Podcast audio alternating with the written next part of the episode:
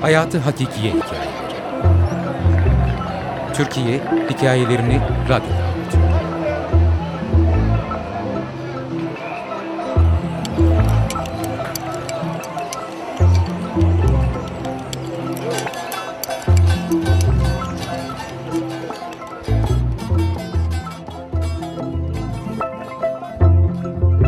İstiklal Marşı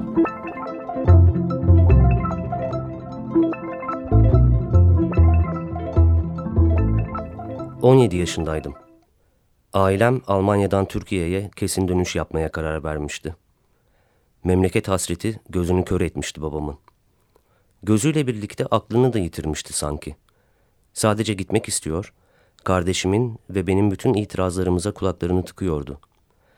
Oysa biz, kardeşim ve ben, Almanya'daki hayatımızdan memnunduk. Okulda başarılıydık ve çeşitli milletlerden okul arkadaşlarımızla birlikte keşiflerle dolu, heyecan verici bir ilk gençlik dönemi yaşıyorduk. Doğduğumuz şehre dönmek istemiyorduk. Çünkü bizim için o şehir yılda bir kez gittiğimiz bir tatil yeriydi artık. Almanya'dan taşınıp gideceğimiz gün arkadaşlarımla, sokağımla, bisikletimle, yanımda götüremediğim hamsterımla vedalaşırken duygularımın çoğunu uykuya yatırmıştım galiba. Yoksa onca üzüntüye dayanamazdım. Nitekim bu travmanın öfkesi yıllar sonra aheste aheste çıktı. Türkiye'ye döndüğümüzde biz artık Türk değildik, Almancıydık. Bir başka türden azınlıktık. Ne yüdüğü belirsiz mahluklardık. Karadeniz kıyısındaki şehrin lisesine kaydımı yaptırdılar. Milli Eğitim Bakanlığı Almanya'da bitirilen son okul yılını saymadığı için bir sınıf geriden başlayacak, lise 2'ye gidecektim. Almanya'da Kemalleri, Orhan ve Yaşarları okuduğum için çok uzak değildim Türkçe'ye ama ben Almanca düşünüyor, Almanca rüya görüyordum. Ve Almanca küfrediyordum. Ama sadece içimden. Çok tutuklaşmıştım. Nerede nasıl davranacağımı bilmiyordum. Bambaşka bir toplumdaydım ve bu toplumun kodlarını çözmek çok zordu. Sanki bir adım atıyor, tökezleyip düşüyordum. Ayağa kalkıyor, üstüm başım kirli, yola devam ediyordum. Gülüyorlardı bana. Almancı diyorlardı. Sonra okulun ilk günü geldi çattı. Çok heyecanlıydım. İlk defa okul forması giyecektim. Okul evimizin karşısındaydı. Mavi beyaz pöti kareli gömlek, lacivert etekten oluşan formamı giyip yürüyerek okula gittim. Bayrak törenine hazırlanılıyordu. Bahçede lise grubunu buldum. Öğrencilerin arasına karıştım.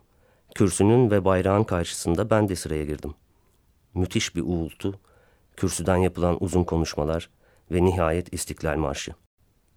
İstiklal Marşı'nı daha önce duymuştum elbette ama ezberlemek aklıma bile gelmemişti. Tüm bahçe marşla çınlarken ben de dudaklarımı oynatıyordum. Sonra belki de biraz sıkıldığım için elimi formamın eteğinin cebine soktum. Elimi cebime soktum ve yüzümde korkunç bir tokat patladı. Başım yana doğru savruldu. Herkes dönmüş bana ve bana tokat atan sarışın kadın öğretmene bakıyordu. Neye uğradığımı şaşırmıştım, titriyordum. Kadın öğretmen, İstiklal Marşı okunurken elini nasıl cebine sokarsın sen, terbiyesiz, diye kükredi. Anlamıyordum. Suçumun ne olduğunu bilmiyordum. Herhangi bir suç işlediysem bile neden tokat yediğimi kavrayamıyordum. Birdenbire içimde müthiş bir isyan koptu. Hala önümde dikilip bana öfkeyle bakan aşırı makyajlı, sarı saçlı öğretmeni var gücümle iki elimle birden ittim. Kadın sendelerken düşecek gibi oldu. Kendine gelir gelmez zıvanadan çıktı ve beni kolumdan tutup müdürün karşısına çıkardı. Oracıkta kurulan okul mahkemesinde suçumu öğrendim. Bayrağa, İstiklal Marşı'na, Türklüğe saygısızlık etmiştim. Saygısızlık etmiştim çünkü İstiklal Marşı okunurken elimi cebime sokmuştum. O günden beri İstiklal Marşı benim için tokat demek. Bu marşı hiç ezberleyemedim. Ezberlemek istemedim. İstemem. Şimdi çocuğumun okulundaki karne törenlerinde ya da başka vesilelerle bu okkalı marşı mecburen arada bir duyduğum zaman dudaklarımı bile kıpırdatmıyorum. Başımı iki yana sallayıp kendi kendime gülümsüyorum.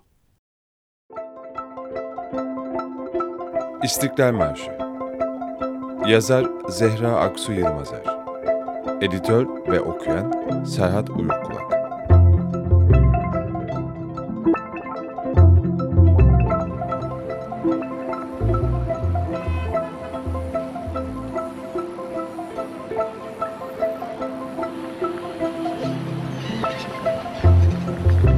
Hayatı Hakikiye Hikayeleri. Türkiye Hikayelerini Radyo'da